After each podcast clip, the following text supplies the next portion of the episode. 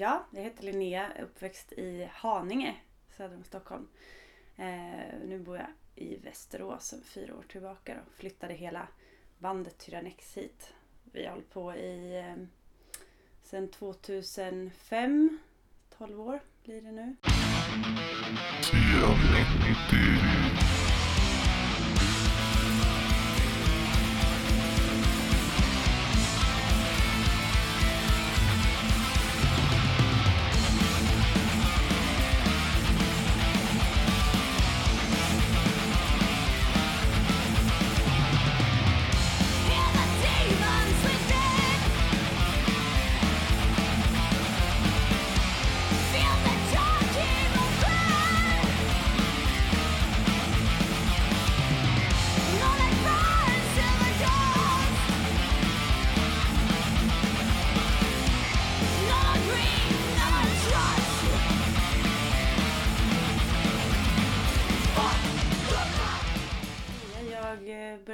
Musik ganska tidigt genom kommunala musikskolan.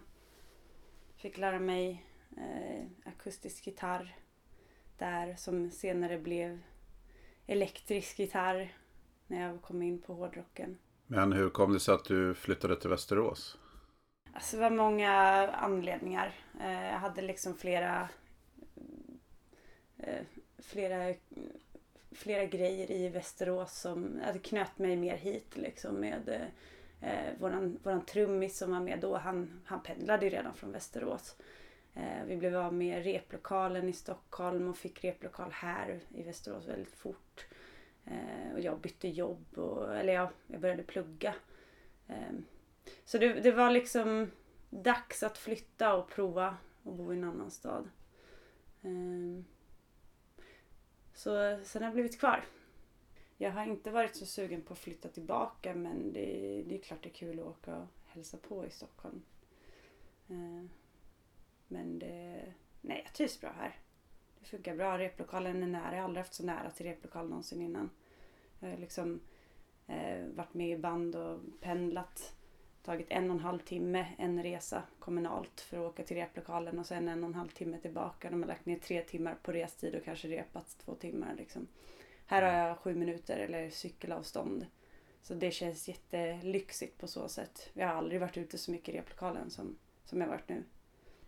Hur, hur kom det sig att du började? Du sa kommunala musikskolan, men hur väcktes liksom intresset att spela? Eh, det har alltid funnits i min familj. Min pappa var liksom alltid musikintresserad. Han spelade gitarr själv. Så vi hade liksom ett rum hemma där vi hade eh, ja, många instrument. Eh, keyboard och gitarrer och eh, någon trumma hade vi väl och sådär.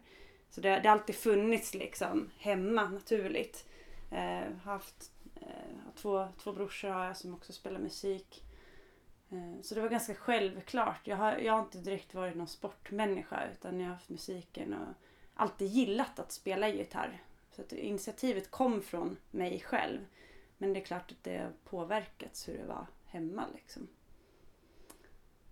Så då tjatade jag väl till mig, eller jag frågade väl om jag fick börja spela gitarr då när, man, när, man, när det var dags att söka i nioårsålder. Så kom jag in och fick träffa en bra lärare och så vart det, var det på den vägen. Var det brorsorna som fick in dig på hårdrock? Nej, det var jag själv. Eh, men jag har fått, fått mycket tips och liksom fått låna skivor och så. Ehm, men jag, jag började lyssna på Kiss. Eh, efter, efter att eh, ja, det var en person som, som var Gene Simmons i Sikta mot stjärnorna. Bye.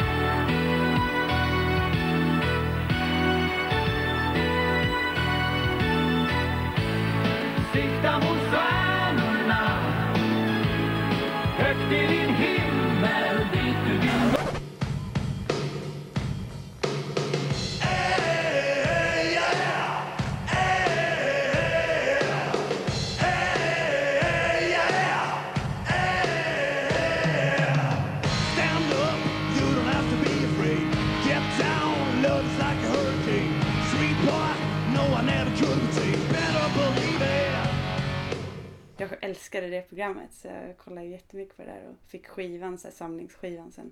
Så att det var där det började, att jag lys- hörde den låten och så blev jag nyfiken på Kiss och sen eh, så fick jag faktiskt min eh, eh, jag fick eh, en konsertbiljett till Iron Maiden av äldsta brorsan. Eh, så det var första liksom, riktiga stora spelningen jag var på.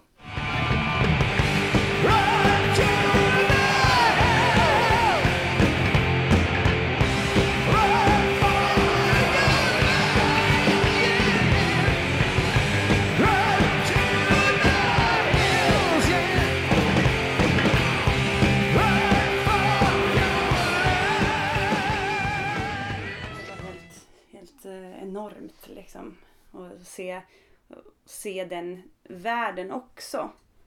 Vi har liksom varit hemma själv och lyssnat och spelat lite till låtarna. Och Mm. försökt spela gitarr till dem. Se till att komma till det här jättestora arrangemanget och se ja, men, hur stort det faktiskt är. Och att alla, alla sjöng med i låtarna och sådär. Så när jag kom hem sen på, på natten så att jag kollade på Rock in Rio direkt efteråt så för att liksom bevara minnet ordentligt. Det var mäktigt. Jag, jag, jag blev nog jävligt övertygad efter det. Och sen var det bara Iron Maiden. Bra tag. Men när eh, började du spela ihop med andra i band? Jag var ganska feg. Ehm, Jag eh, trodde inte på mig själv att jag eh, kunde platsa i ett band. Så jag, jag stod ju hemma och övade, övade, övade och tänkte så här, fan jag är aldrig någon som kommer vilja spela med mig.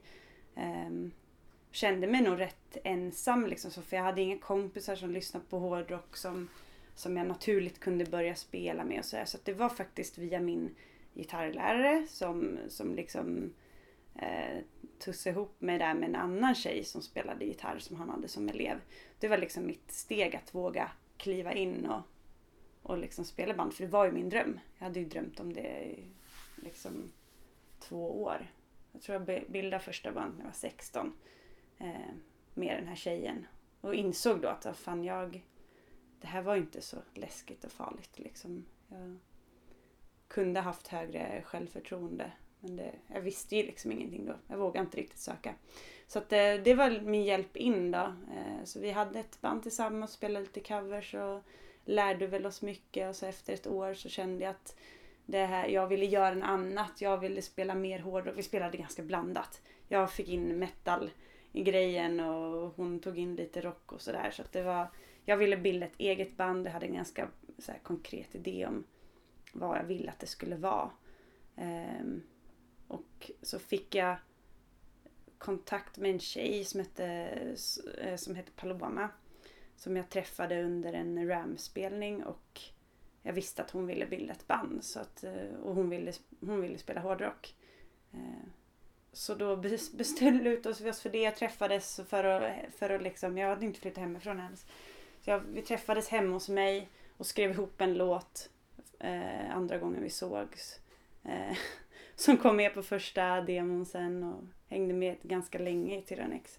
Men det var Tyrannex då. Så att det är ju mitt, mitt andra band jag har bildat och hållit kvar vid liksom.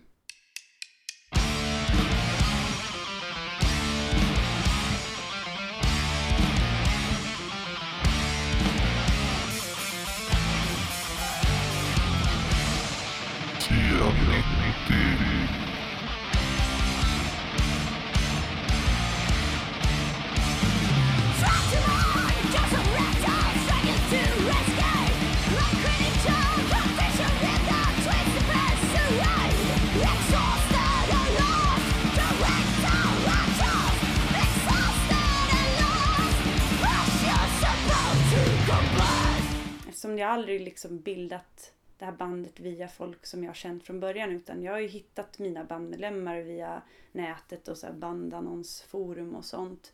Så, så har det känts ganska naturligt att kunna fortsätta på samma. Jag har alltid trott på musiken, jag har alltid gillat liksom skrivit utifrån mig själv. Så ska, skulle jag ha liksom bildat ett nytt band så hade det typ låtit likadant ändå. Och jag har gillat låtarna och trott på dem så att för mig var det ganska självklart att jag, när bandmedlemmar sen hoppar av, att jag hittar nya. och så har det varit. Men det är ju klart det var kä- kämpat på liksom. Mm. Det lät ju inte riktigt som...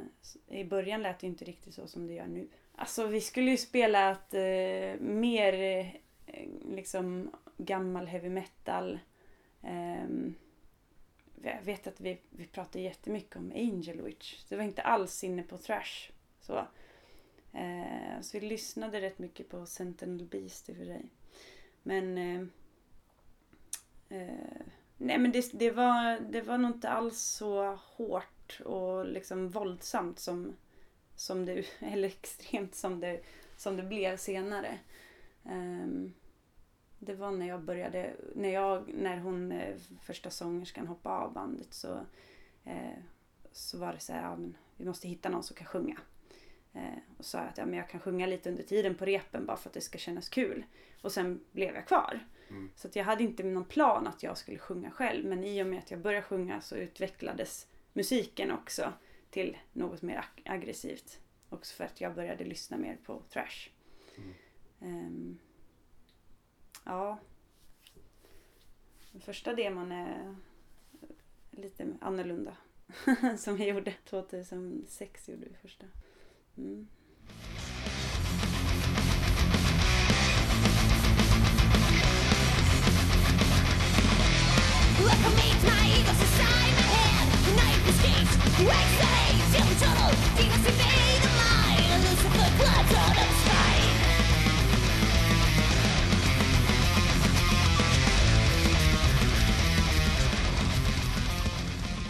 Jag har ju utvecklats också på gitarr och ju bättre man blir desto mer andra riff kan man ju spela. Det var ganska simpelt i början liksom. Sen försöker jag alltid, jag vill alltid skriva låtar som ändå låter rätt simpelt och enkelt. Men det är klart att riffen har blivit mer avancerade än vad jag kunde spela i början. Så det, är- det naturligt sett så förändras det ju liksom. Men hur tror du att det kommer sig att du har dragit åt det mer extremare då? Är det för att du har blivit bättre eller för att du har liksom... Jag tror att det var för att jag upptäckte typ Creator.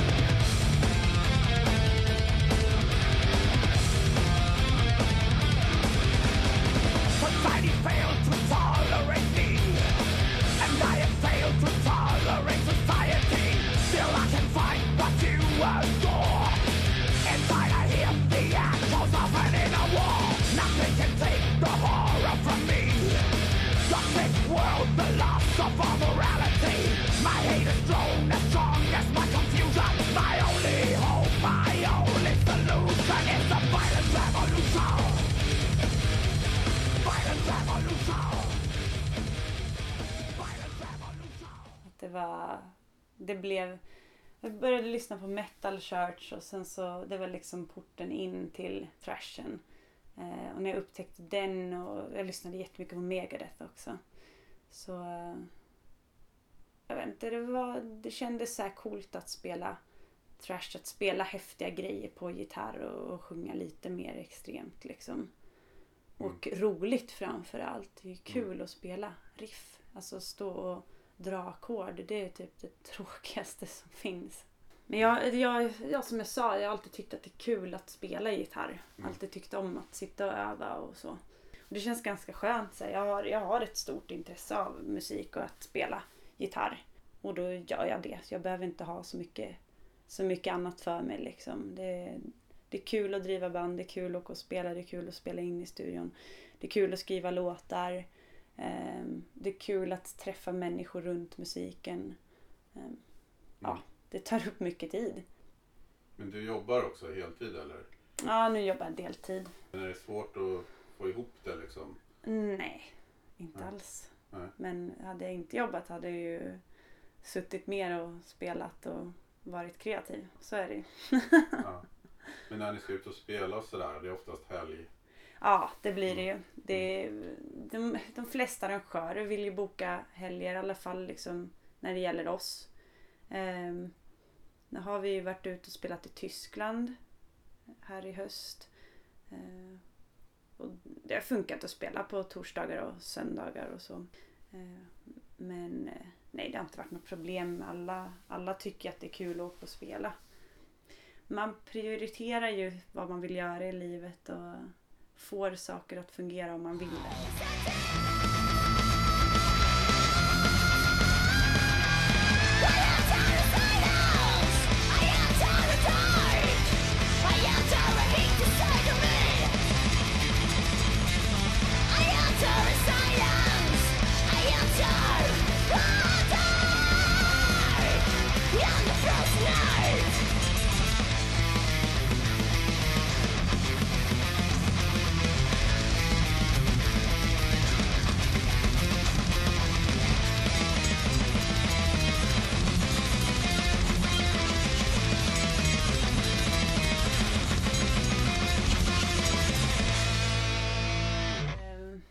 Ja, vi gjorde flera demos. Vi fick släppa vår första skiva eh, 2011. Vi fick, skiv, vi fick skivkontrakt 2010 och det var skitstort för oss. Vi eh, fick tag på ett så här litet franskt eh, skivbolag eh, som jobbar på underground nivå som ville släppa det på CD. Så det var, det var sjukt stort att få få den kontakten. Vi hade, våran trummis då, han hade haft kontakt för våran trummis hade ett eget typ black metal bolag. Så de hade tradat lite mellan sig. Eh, och jag hade fått några skivor från det franska bolaget Inferno Records. Så jag hörde av mig till han och bara, ah, men tack för, tack för skivorna, jag lyssnade på dem och så här skrev lite liksom. Och han bara, aha, jag vet att ni ville släppa här och vi kan säga okej. Utan att jag ens hade frågat sådär. Så att eh, jag hade inga, inga förhoppningar på att vi skulle släppa alls. Men eh, när han, det kändes ganska så här, eh, ja det var en schysst, schysst kompis-deal liksom. Ehm, och så vi fick släppa vår skiva där. Och då han fick väl ut det liksom. Han jobbade ju från Frankrike. Han fick ju ut det på andra små distributörer och spred det. Och då började det hända att vi fick liksom åka, blev bokade till någon festival i Tyskland och så. så att, eh, det var det där skivsläppet som släppte, släppte ut oss lite mer. Men sen tycker jag att det har faktiskt hänt mest nu efter Death Roll, det tredje släppet. Då börjar det kännas som att vi har kommit någonstans. Liksom.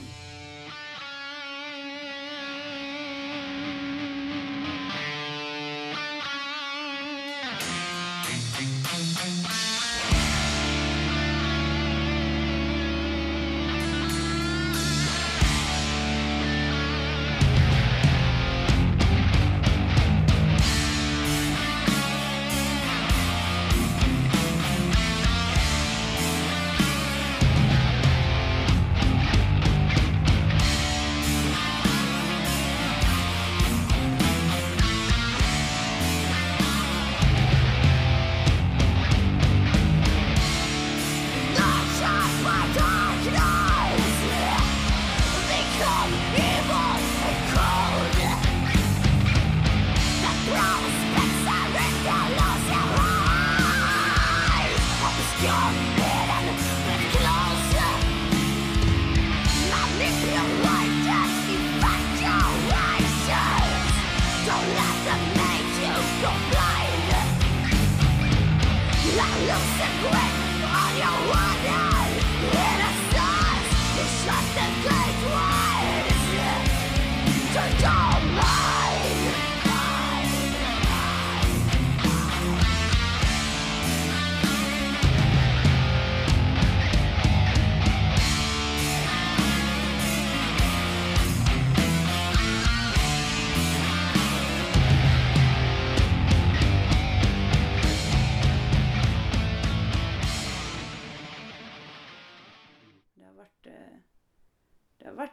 Kämpande även om det, alltid, det har varit kul och värt det. Liksom. Men nu känns det som att vi fått ett litet erkännande i alla fall och blir bokade till liksom, bland de största festivalerna i Sverige. Men det kanske krävdes tre skivor. Men P3 uppmärksammade förra rätt mycket va? Ja, precis. Det var när de hade eh, P3 Rock. Eh, det finns väl inte längre. Men eh, jo, men det, det var faktiskt också jättestort när vi släppte andra skivan. Eh, få komma dit och prata i svensk radio. Och sen blev det nominering då till P3 Guld, vilket jag tyckte var helt ofattbart. Men det var, det var en upplevelse att gå på deras gala och få vara i den, den världen som man annars inte liksom kanske ens eftersträvar att vara i. Men lite kulturkrock. Men ändå rätt liksom. Att så det är klart att sån här musik ska också få finnas och uppmärksammas. Men jag, visst, jag tänkte att det händer nog aldrig liksom igen att, att den här genren får liksom det här utrymmet så det är bäst man går och tittar vad det är för någonting. Liksom. Det, ja, jag, jag visste ju faktiskt inte vad P3 Guld var ens innan vi fick beskedet att vi var nominerade så fick jag googla lite och ja, kolla.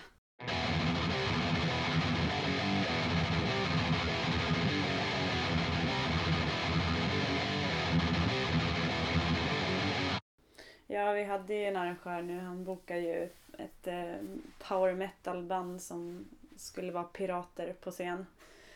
Och eh, jag frågade lite så här, men har det varit var, varför bokar du liksom den här genren? Han bara, ah, nej men då kommer det ju ännu fler från olika eh, olika typer av publik så att det blir jättemånga. Men det är ju, min uppfattning är ju att det inte funkar så. För att när de hade spelat klart då gick ju deras vänner och Mm. bandet själva. För att Mm. de inte stod ut med våran genre. Liksom. Linnea Landstedt är numera medlem i legendariska Ice Age som albumdebuterar med Breaking the Ice den 20 oktober.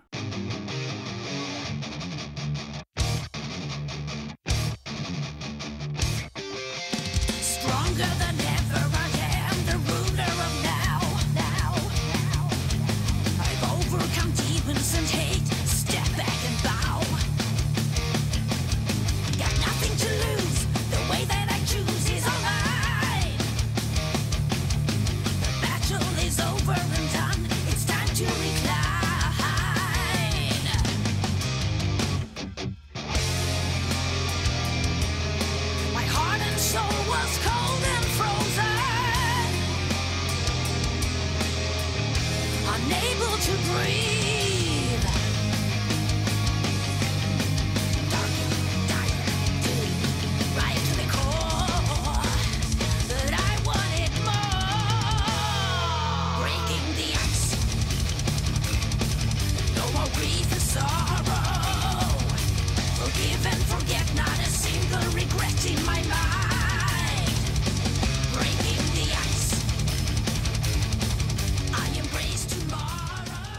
Ice Age spelade ju på Muskelrock när Tyrannex spelade på Muskelrock för två år sedan.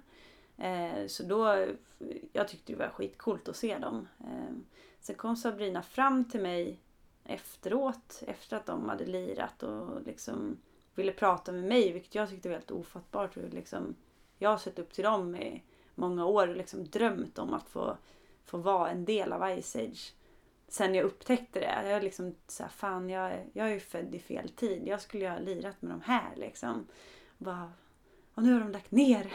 Och sen återförenas de. Så att så här, jag kunde inte hålla mig och säga att ja men behöver ni en liksom, bra gitarrist någon gång då, då finns jag här. Så. Eh, och sen hade jag och Sabrina kontakt liksom eh, under ett år och åkte och hälsade på. Och, och men vi blev vänner. Och sen så när de behövde en gitarrist så frågade de. Så det var, det var bra sagt liksom. Det känns jätte, jätteroligt att få spela. Jättekul att vara med på liksom första skivsläppet också. Det hade jag inte, inte kunnat drömma om. Liksom, att det skulle hända.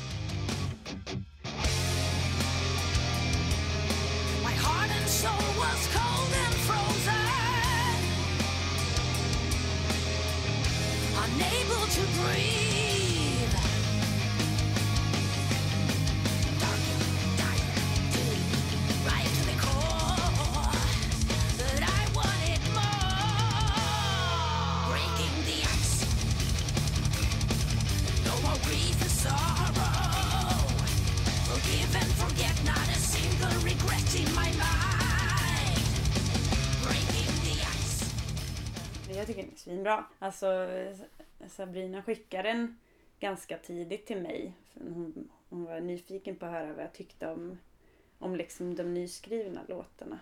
Och då fick jag ju bara höra riffen egentligen. Jag, det var ingen sång till. Jag hade inte hört sången ordentligt förrän det var lagt på skivan. Eh, men jag tycker att eh, jag visste liksom inte vad jag skulle så här, förvänta mig heller eftersom det har varit ett långt glapp och hon inte har skrivit låtar på så länge. Men jag tyckte det föll direkt in i, i rätt, rätt fack och liksom kändes helt rätt. Det känns som hon bara tog upp liksom från där hon stannat. Att skriva låtar. Um, det är coolt. Jag gillar, jag gillar alla, alla nya låtarna på skivan. De är ju, dessutom så var det en ganska så här, stor utmaning för mig att lära mig hennes typ av skrivande och riff. Så jag, utvecklas mycket genom att få sätta mig med, med de låtarna.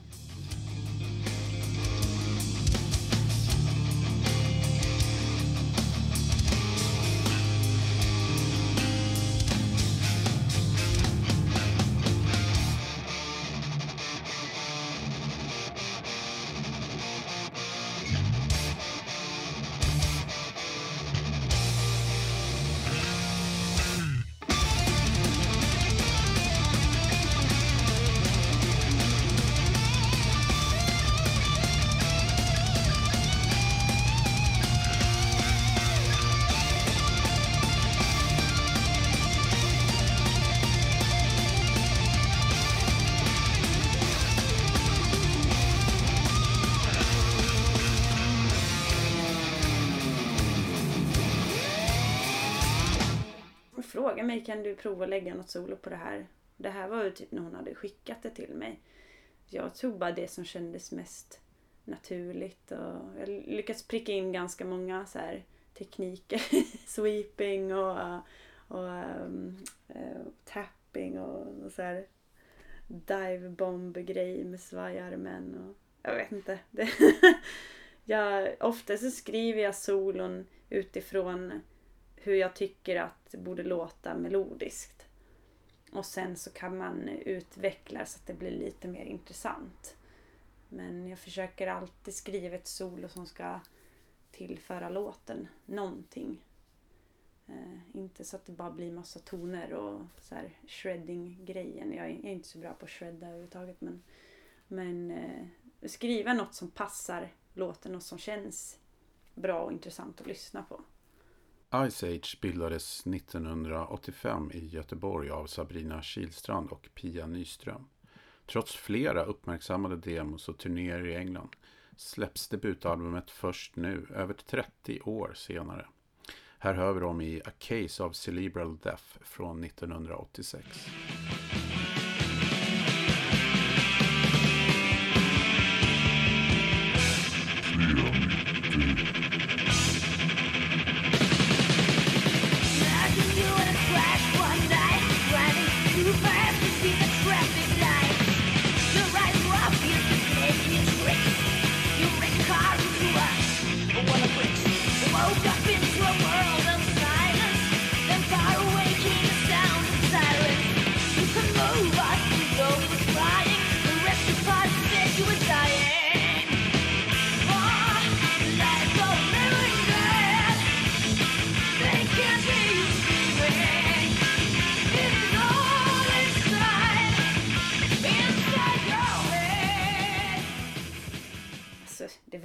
Absolut ingenting jag hade hoppats på eftersom att bandet var nedlagt då när jag, jag liksom ramlade in på deras MySpace-sida för tio år sedan eller något sånt där.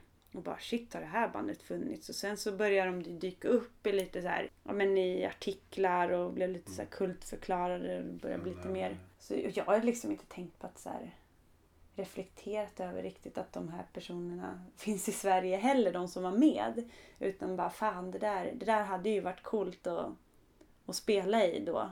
Men eh, jag var inte ens född när de släppte sin första demo. Ehm, men det är, det är klart det är så här, fan det där bandet det skulle man ha lirat i. Då måste man ju våga ta chansen också om man, om man får den. Men hur gör ni? Träffas ni som band eller sitter ni Sitter du här och de i Göteborg eller? Ja, jag, jag får ju repa rätt mycket på egen hand till Mm. låtarna. Eh, och sen så träffas vi och repar tillsammans inför eh, spelningar. Eh, jag åker inte ner ganska ofta och då kan jag och Sabrina sitta hemma och sen och spela lite. Men eh, jag får nog sköta mig, alltså i och med att det är ett långt avstånd, det funkar inte att repa regelbundet för min del. Och sen har jag Tyrann X här som tar upp jättemycket tid, men de repar ju. Ehm, och så får jag liksom haka på, men det, det har funkat bra hittills. Det hade ju såklart varit kul att bo närmare och, och kunna göra mer saker och så, men eh, som det sett ut nu så har eh, Sabrina skrivit de flesta låtarna och Mm. skickat över till mig och så, så att jag får lära mig. Och så har jag lagt solon på det. Ehm, och det funkar jättebra.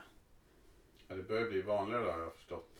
Ja, men det är coolt. Det finns ju teknik så att man liksom klarar det. Man Ja. måste inte stå i samma... Och det, ibland kanske det är mer effektivt också att skicka grejer mellan varandra. Så det... Ja. Nackdelen är väl att man har väl det här romantiska att det ska vara en, ett band som har så kämpat ihop och Ja. som har liksom låter precis på ett sätt bara för att det är just dem. Ja. Så jag undrar hur mycket så, så bilden är egentligen heller. Alltså jag tänker att det oftast så är det ju någon som är den drivande, någon som skriver låtarna. Man kanske har någon annan i bandet som hjälper till och så.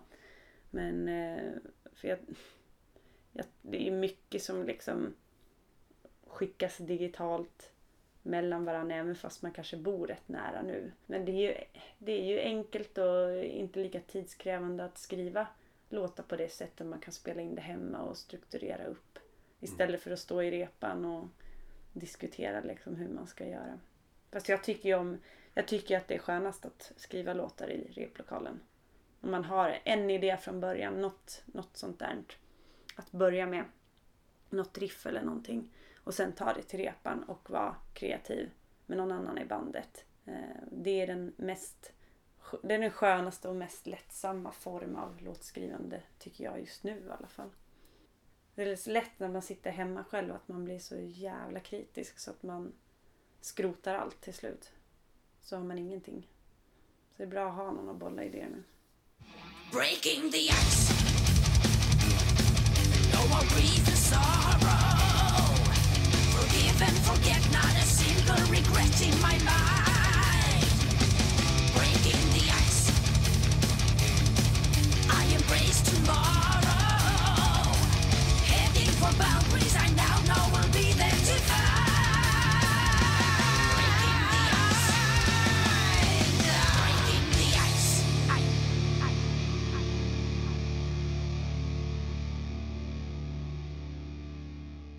Alltså det blir nog spelningar på, på skivan nu efter att den släpps. Eh, vi får se. Eh, jag vet att det jobbas på det. Men vi har eh, en- bokad i alla fall. Och det, men det är ju inte i Sverige utan det är i Tjeckien någonstans utanför Prag. Eh, som vi ska spela i sommar, någon festival. Så dit kan ni komma ni som bor i, i Tjeckien. Ja, Lyssna på det här. Men det intresset borde ju vara ganska stort. Ja, jag hoppas det. Jag hoppas verkligen det. Jag hoppas det tas emot med öppna armar. Det är kul med...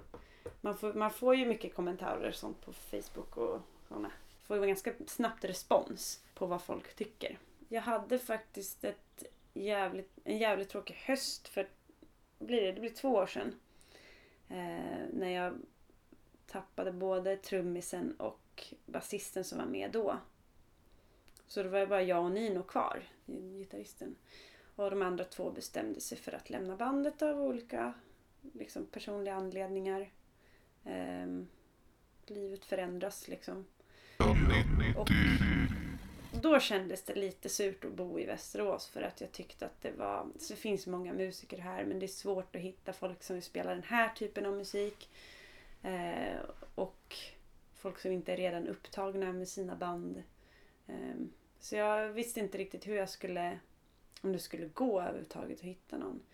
Men eh, så det var, det gick några månader där på hösten när jag inte hade någon att repa med riktigt då. Jag och Nino bollade lite idéer och så men det vart ju aldrig något rep, det var aldrig ett band.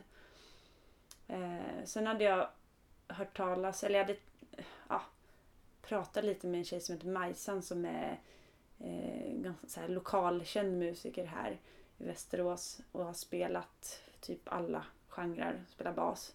Eh, hon spelar mycket så här olika konstellationer med olika musiker här och olika små projekt och sånt. Så att jag var på henne lite för jag visste att hon gillade Tyrann X. Tjatade lite på henne att hon skulle komma och träffa mig och sådär och till slut så gjorde hon ju det. Eh, och det kändes, alltså hon var skitduktig första gången vi träffades. Så det kändes bra redan från början. Så det här, det här kan bli någonting. Och sen hittade jag trummisen Pontus i replokalen bredvid oss. Eh, han satt och spelade trummor ganska ofta, satt och övade själv liksom. Så kände jag fan jag, jag har ingenting att förlora på att fråga om han skulle vara intresserad av att liksom provspela. Eh, så jag knackade på och liksom eh, sa, sa han, ja men jag kan testa. Liksom. Och det kändes också bra första gången. Så att jag träffade både Majsan och Pontus inom en vecka och så, så, eh, så repade vi väl alla tre tillsammans en vecka senare och sådär. Men eh, så jag hade, det känns som jag hade lite flyt just då.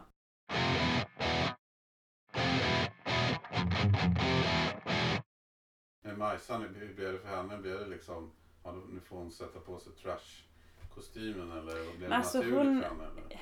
Ja, jag vet inte. Alltså hon lyssnar på så otroligt mycket olika musik. Alltså hon eh, kan jävligt mycket musik och hon kan spela jävligt mycket bred musik. Jag sj- själv känner mig så smal liksom och har nischat in mig på mitt och så är det bara det som jag lyssnar på liksom. Mm. Hon är ju mycket bredare så hon är ju hon har ju så här äh, spelat i bluesband och countrymusik och alla typer av coverlåtar du kan tänka dig liksom. Och Tin Lizzy, alltså allt. Så att jag tror att det här är nog det mest extrema hon har gjort. Så det är klart att det, det kanske är att kliva in i en, i en annan typ av värld. Hårdrocken är ju ändå lite i sin bubbla liksom. Och de flesta som rör sig där är ju nästan bara där liksom. Eller många är ju så dedikerade till genren.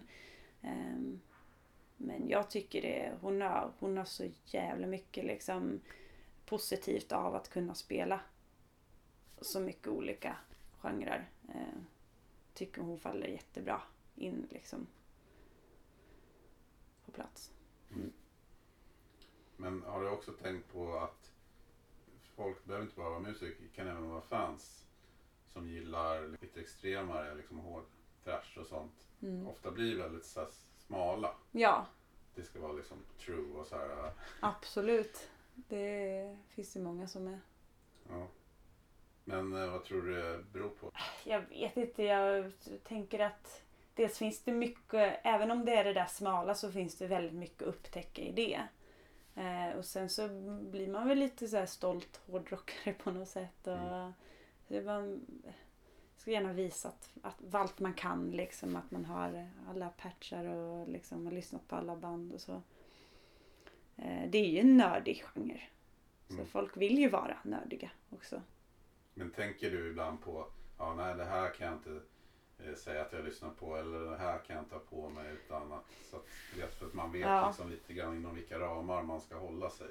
Ja, men alltså personligen så lyssnar jag ju inte alls på modern metal för det intresserar mig inte liksom. Jag gillar ju jag gillar när det låter gammalt, jag gillar när det inte är svinbra produktion liksom. Någonstans så det är det som tilltalar mig liksom. Eh, men jag lyssnar ju även liksom på lugnare musik. Även om det är hårdrocken som Mm. dominerar jämt. Judas Liksom. Priest.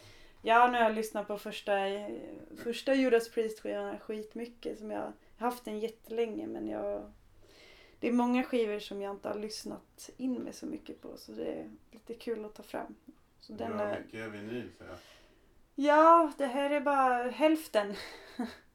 Jag har, eh, jag har ganska nyligen flyttat hit. Så att jag har, eh, jag har inte fått med mig allt. Jag har dubbelt så mycket i replokalen. Men det är lite, lite skönt att komma dit och så kan jag plocka med mig några skivor hem. Det är nästan som att så här, gå i skivbutik och bara, "Ah, just den här, den vill jag lyssna på nu. Så det, det känns rätt skönt att inte ha allting här på plats. Men samlar du på, letar du skivor? Eh, nej, det gör jag inte. Jag köper... Alltså jag lyssnar nästan bara på skivor jag har köpt. Jag, jag har eh, inte något intresse av att sitta framför datorn och lyssna. Det tröttnar jag på. Jag lyssnar gärna på vinyl. Jag har eh, hela den byrålådan full med CD-skivor. Så att jag, kö- jag köper gärna musik. Jag tycker om att köpa vinylskivor. Nej, de flesta är ju när jag bodde i Stockholm för då gick jag, jag tyckte om att gå i skivbutik. Så jag hade så här runder typ. Sankt På tisdag går jag till den här och på så här, Ja. torsdagen åker jag hit. Ja, Sankt Eriksplan har varit mycket i. Så att eh, de flesta kommer därifrån. Sen eh, jag träffade folk här i Västerås. De köpte ju på via, via liksom Tradera. Det har jag typ aldrig gjort. Det fanns alltid tillgängligt i butiker. Skivmässor.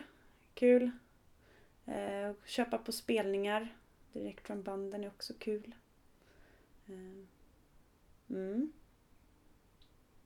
Men om du skulle liksom plocka ut några, så här, vilka skulle du liksom, om det börjar brinna, Ah shit. Jag vet inte. Det är rock'n'rolla? många, nej, men många går att hitta igen liksom. Jag har ju inga sådär Mm. jätterariteter ärligt talat. Jag har inte... Jag eh, köper inte liksom jättedyra skivor. Jag är inte skivsamlare på det sättet. Jag gillar att ha mycket musik på vinyl men jag går inte och letar efter dyra pressar och liksom speciella, speciella rariteter på det sättet. Jag skulle tycka det var jättetråkigt om det brann upp. Det skulle jag verkligen tycka.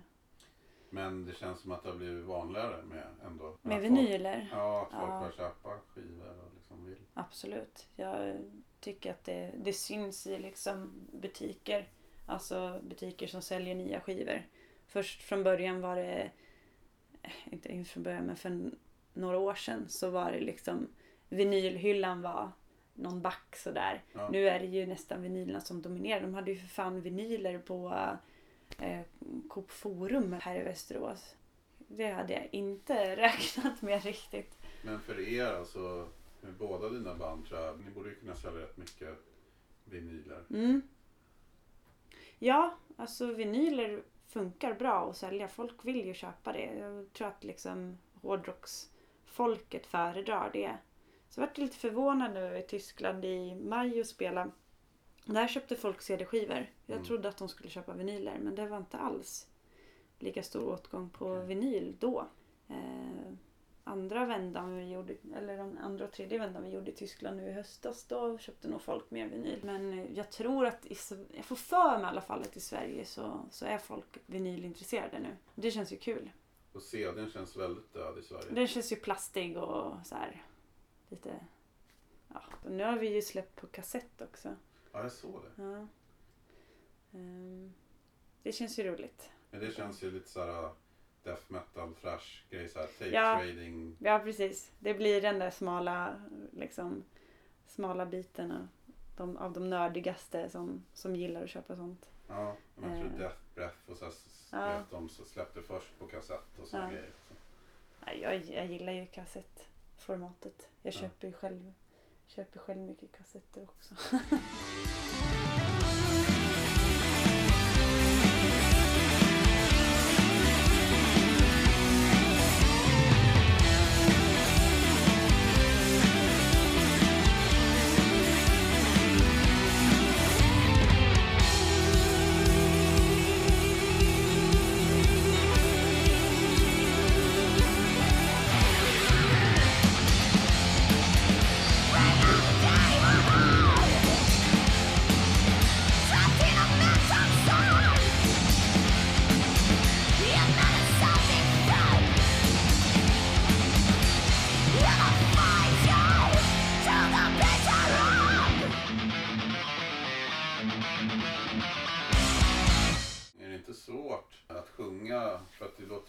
att det är inte jättelätt liksom. Du sjunger ganska högt upp och sådär.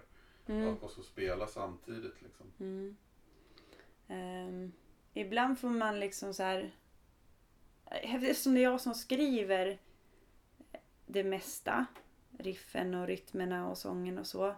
så känns det som att jag redan från början lägger det på ett naturligt sätt. Eller liksom det, oftast blir det att jag får repa in låten eh, på gitarr tills jag kan det bra. Sen lägger jag på sången eh, och då får jag nästan börja om med gitarren. Och man får liksom pussla ihop vissa liksom eh, delar på riffet med delar av och så här lägga vissa, det här ordet ska jag sjunga när jag tar den här tonen och lite så. Och till slut faller det sig naturligt. Men man måste, man måste repa det så pass många gånger så att muskelminnet i händerna klarar det självt. Och sen tänka på sången.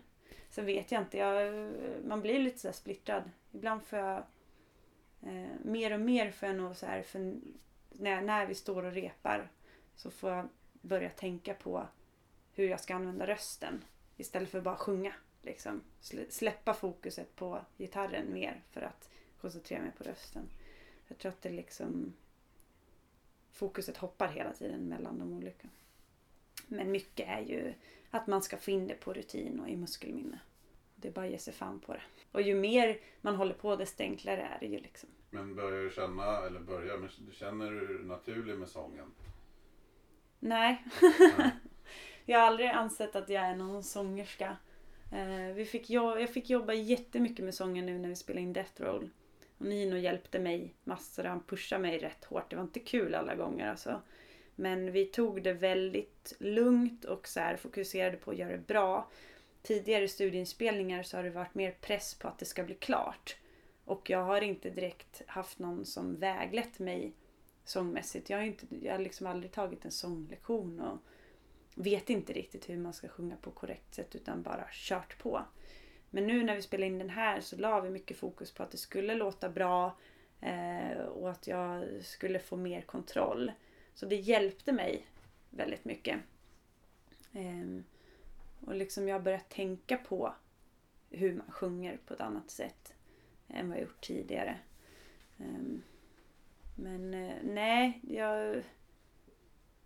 Det är så, man kan göra så jävla mycket med rösten. Man kan forma den och man kan få den att låta annorlunda. Och, ehm, det gäller väl att hitta någonting man känner sig bekväm med. Och som passar. Men, jag tycker att jag har mycket kvar att lära. Jag tycker att det, är så här, det känns som att jag har någonting där som kan utvecklas mer med rätt hjälp. Ehm, men jag tycker inte att jag är där än. Som när man hör någon som kan sjunga riktigt bra som liksom förmodligen lärt sig från början hur man ska göra det. Men kan du känna att du skulle vilja, som i Ice Age, att du bara kunde vara gitarrist? Nej, faktiskt inte. Jag tycker att det är kul. Eh, det är kul att sjunga eh, också. Men eh, det är skönt med Ice Age att slippa det. Alltså, med, det är lätt som, som sångare att bli nojig att man ska bli förkyld och tappa rösten. Alltså den biten är skitjobbig. Det var jag jättenojig över när vi skulle åka ut och spela nu flera gig på raken.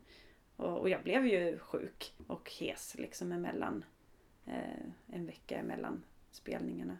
Så det var ju jättejobbigt att, att känna det. Det kände man inte...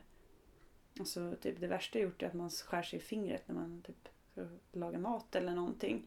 Men eh, eh, behöver inte alls vara lika nojig över rösten att den ska hålla.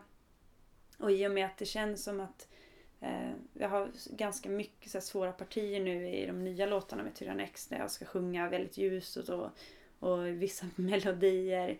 Eh, det ska ju sitta live. Jag vill att det ska... Jag vill inte sjunga in någonting som jag inte kan göra sen live men jag får ju kämpa liksom. Där önskar man ju att man så här var född till sångerska och bara hade det där. Jag tycker inte själv att texten är så här intressant eh, när jag lyssnar på musik. Så att jag har jag har tyckt att det är lite så här är en börda att skriva texter. Jag tycker inte att det är jättekul utan det är så här, nu måste jag klämma fram mig någonting här och jag måste komma på något vad det ska handla om. Och, men man, man, man tar inspiration från vad man kommer över. Andras historier eller något man har läst. Ja. Jag tycker att det ska, det ska passa musiken. Det är viktigt. Eh, det får inte bli någon så här kärleksångestlåt liksom. Om, det, om musiken är svintuff. Så det, det ska spegla musiken, det tycker jag är viktigt. Och, eh, jag får energi av våra låtar. Jag, alltså jag, det är ju kul att spela dem. Det, det, är- det är en utmaning liksom. Man måste, man måste tänka, man måste vara fokuserad även i replokalen och liksom live. Och man får leva sig in i det där. Alltså nu har jag gjort, nu har det varit liksom, Tyrannex har varit en så stor del av mig så att det, det, det faller sig naturligt att, att man är så på scen att, att det ska kännas framåt och aggressivt. Liksom. Samtidigt har vi ju roligt. Vi, eh, eh, vi har ju kul då, när vi spelar. Men det är, det är mycket fokus. Och särskilt liksom nästan ingen så här vila alls när vi spelar live. Allting går superfort och sen så mellan låtarna hinner jag andas två gånger och sen så ska jag säga något och sen ska det dra igång igen. Så det är ett eh, arbetspass, verkligen. Men krävs det liksom att man har någon så här in, ilska inom sig som man får utlopp för? Eller? Men jag tror att liksom själva energin av alltihopa, man får mycket energi av att stå på scen och att publiken är där. Att det liksom, det bygger på adrenalin på något sätt. Jag, jag, jag står inte och känner mig arg liksom så, men mitt uttryck blir så. För att musiken gasar på på det sättet.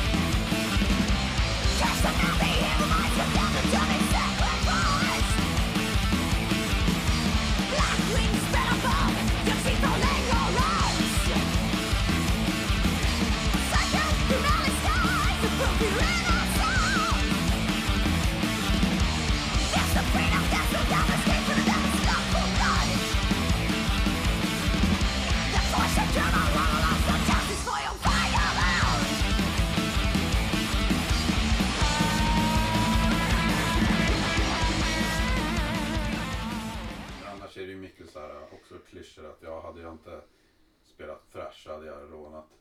Liksom. Eller jag har slagit folk på käften. Ja. Men du vet, det har man ju läst tusen gånger. Liksom, så här.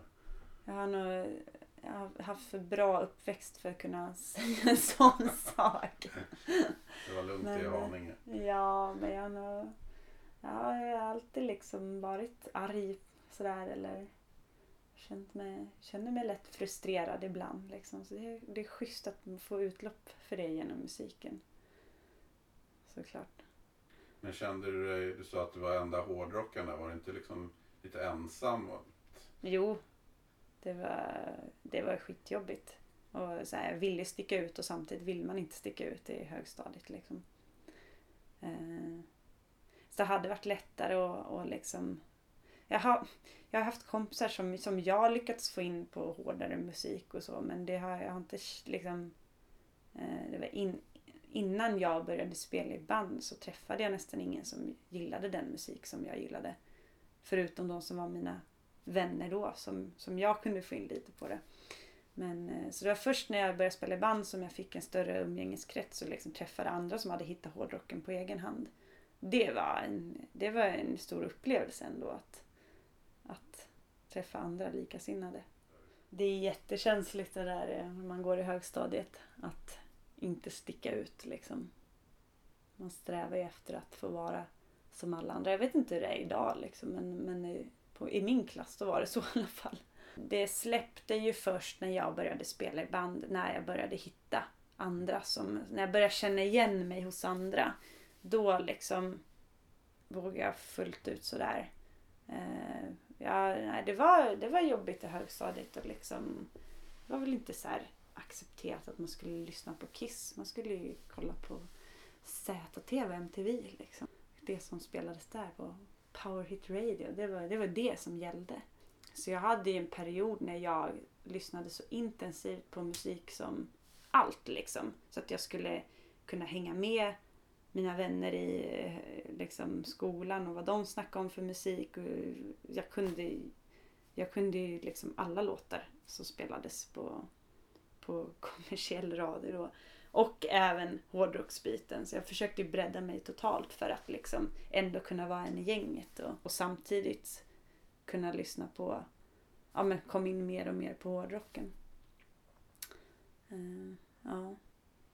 Alltså det går ju typ i cykler. Man släpper skivor och så nu är man ute och spelar och så, så man känner att nej men nu är det dags att släppa skivor igen. Så det, det går ju egentligen bara runt, runt, runt så.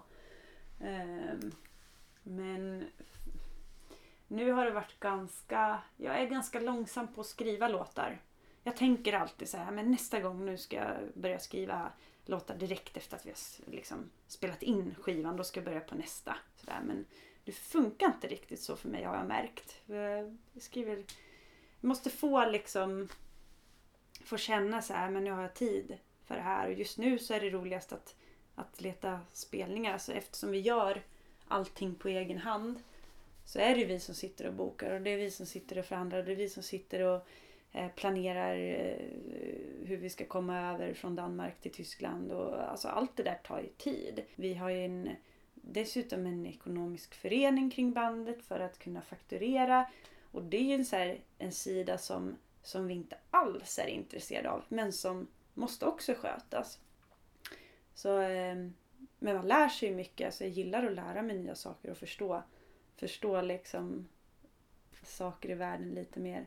Men, eh, men det tar allt annat mer än att bara sitta och spela tar upp väldigt mycket tid. Och sen dessutom ska man ses i repan och liksom hålla uppe det som man har repat in så att inte det blir sämre. Och sen... Eh, så jag har inte kommit in eh, igång riktigt med att skriva låtar. Vi har, vi har ju nytt på gång liksom men det, är inte, det har inte tagit fart på det sättet.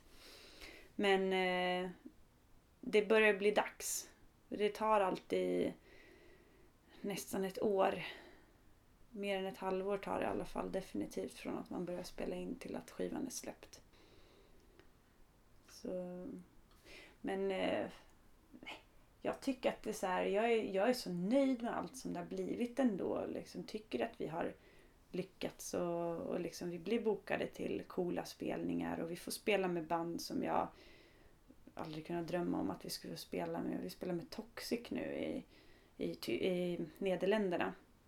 Det kändes ju helt ofattbart när vi har liksom suttit hela sommaren och lyssnat på Toxic skiva och sen så helt plötsligt så har vi en spelning med dem. Eh, men eh, så, att, så att det är roligt liksom och vi har spelat med många band som har växt efter det. Efter att vi har spelat med dem och de har växt och blivit större och liksom omtalade. Ehm, men eh, planen är ju på att så här, flytta på så länge det är kul så är, så är det värt det. Ehm, jag har ganska stor drivkraft men jag är ju ingen så här, Jag vill att nästa skiva ska låta som... Ska följa samma spår som det vi gjort och annars kan jag lika gärna skriva... Eh, liksom göra ett nytt projekt. Då. Ehm, men det ska kännas kul. Det ska kännas vi ska trivas liksom med varandra i bandet. Det är det viktiga. Nu spelade vi nyss på Huskvarna Rock and Art och sen eh, närmast nu blir eh, Truckstop Alaska. Eh, och sen så blir det Black Christmas. Och sen efter det har vi någon, ja vi har en spelning i Danmark, det är första gången vi ska lira i Danmark. Och sen ska vi ner till en festival i Tyskland som heter, det är någon så här Christmas Festival Kassel. Jag kommer inte ihåg exakt vad den hette. Men det, eh, det blir nog roligt också. Åka dit. Spela 23 december i den där festivalen. Faktiskt. Mm. Men märker man att, att folk börjar känna igen er och sådär på den typen av festivaler? Ja, vi känner igen publiken så det blir alltså så här, ja men hårdrock Sverige är inte jättestort utan man känner igen folk och det är kul alltså man lär känna även i Finland har det varit så när vi har varit där och lirat mycket men man känner igen folk och som kommer dit. Man blir jätteglad över att de kommer. Och eh, det är en skara som, som åker på de flesta spelningar liksom. Men det är kul, det är många som kommer fram och säger att de har sett oss förut och vill kommentera liksom och säga att de tyckte det var bra och så. Det är alltid roligt att vara ute och spela. Det är liksom frukten av allt man gör att få komma ut och, och lira live.